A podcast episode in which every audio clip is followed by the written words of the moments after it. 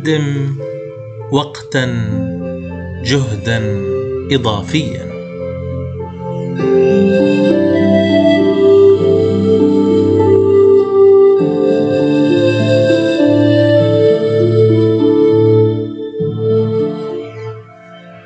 أهلا بك عزيزي المستمع ولقاء جديد من برنامجك تبسيط طريق التجلي. قدم لنفسك جهدا إضافيا. طبعا هذه المقولة موجودة يعني وكثير من الشركات بتتكلم فيها إنه الموظفين عليهم إن هم يقدموا ويعطوا أكثر. بس نرجو من يعني إيش؟ مش حابين نعمل مشاكل. بس إنه الفكرة طبعا هي صحيحة وإيجابية وقوية ولكن لما يكون أنت اللي بتعطي ولا يوجد حدود بمعنى أنت اليوم أعطيت أكثر مما مما ستأخذ. أعطيت أكثر من راتبك الشهري أو دخلك الشهري. إيش اللي حيحصل هنا؟ عن تجربة شخصية تمام؟ أنا كنت في يوم من الأيام شغال في شركة. وفي هذه الشركة أنا أعطيت فعلا أكثر بكثير من دخلي الشهري. جميل؟ وهنا عشان بس نوضح إن الله لا يضيع ولا ينسى يعني في آية قرآنية يعني.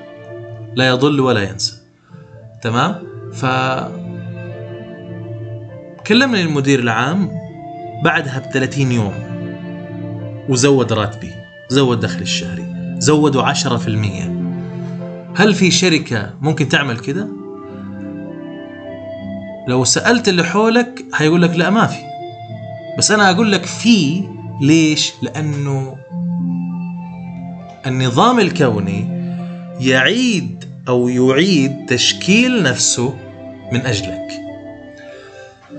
قوانين الكون حتتجه لصالحك. خلينا أعطيك قصة أيضا من القصص العجيبة. كان في حديث يتكلم عن شخص عنده مزرعة ويهتم فيها جدا وما وعطاؤه لا يتوقف عطاؤه ما يوقف.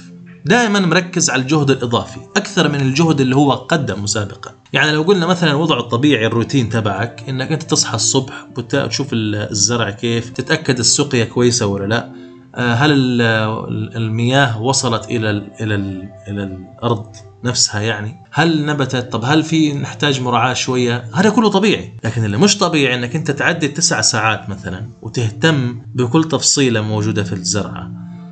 أو في المزرعة عموما يعني. وإنك أنت دائما اهتمامك يكون وين؟ مش بس في المزرعة كمان في البيت وكمان في الناس. طب ليش كل هذا يعني؟ دوشة كبيرة. هذا الشخص كان يعمل كذا طب ليش؟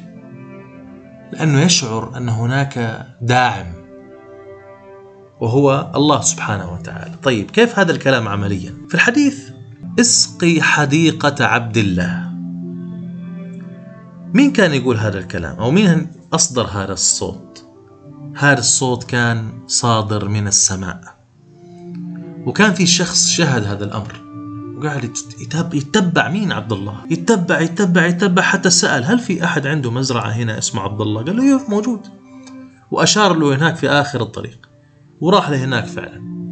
فقال له هل أنت عبد الله؟ قال له نعم. قال له طيب أنا عندي بس سؤال يراودني وغريب. قال لي تفضل. قال له أنا سمعت صوت اسقي حديقة عبد الله. هل أنت عبد الله المقصود فيه؟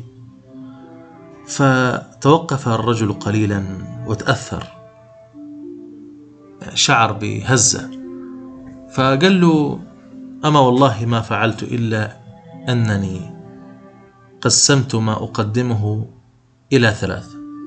ثلث لي ولأهلي وثلث أقدمه للناس يوميا وأعتبره شراكة يعني مع الله سبحانه وتعالى وثلث أودعه في الأرض.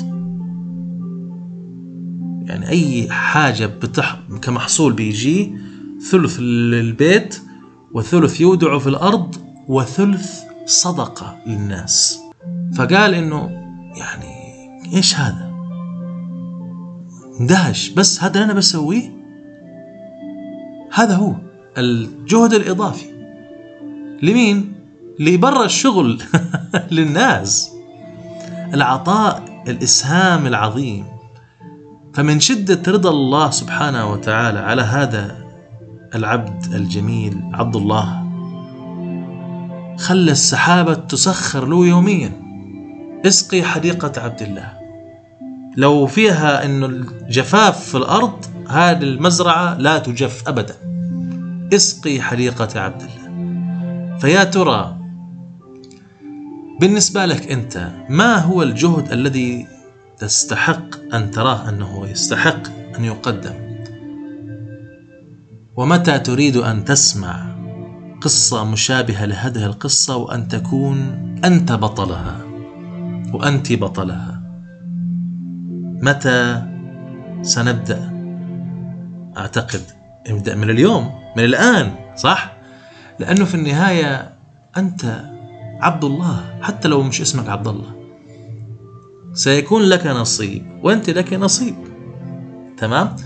فالعملية جميلة جدا وخفيفة إذا عشنا وآمنا بمثل هذه المقولة إذا كنت مستعدا لإنجاز أعمال تستحق أكثر من الراتب الذي تحصل عليه فإنك ستحصل في النهاية على راتب أكبر مما تقوم به لكي تقوم بما هو أكثر. اذا العملية more work more salary. More work more salary. يعني بس هذا طبعا ما أحسبها. وأقول والله أنا لي عشر سنين ما أخذت راتب. طب أوكي أنت ليش قاعد؟ التقدير مهم من قبل الشركة تمام؟ فإذا ما كان الشركة فيها تقدير أشوف غيرها. طب لو شفت غيرها أكيد حتلاقي. طالما أنت نيتك هي العطاء. هذه بحسم لك إياها وأقول لك وأنا مطمن. الذين يترقبون الأخذ قبل أن يفكروا في العطاء هم من يحصلون على أقل النتائج فلذلك أنا أعتقد أنت موجود هنا أنت فعلا تريد أن تعيش بغير هذه الطريقة. أنت تريد أن تفكر في العطاء اولا وخلي موضوع المال ثانيا. هو مهم بس هو ثانيا وليس اولا. هذا كانت بالنسبة لجلستنا لهذا اليوم. شكرا لكم ونلتقي في حلقة جديدة. من برنامج تبسيط طريق التجلي مع مفهوم جديد. كان معكم محبكم السعيد فادي ونلتقي بإذن الله.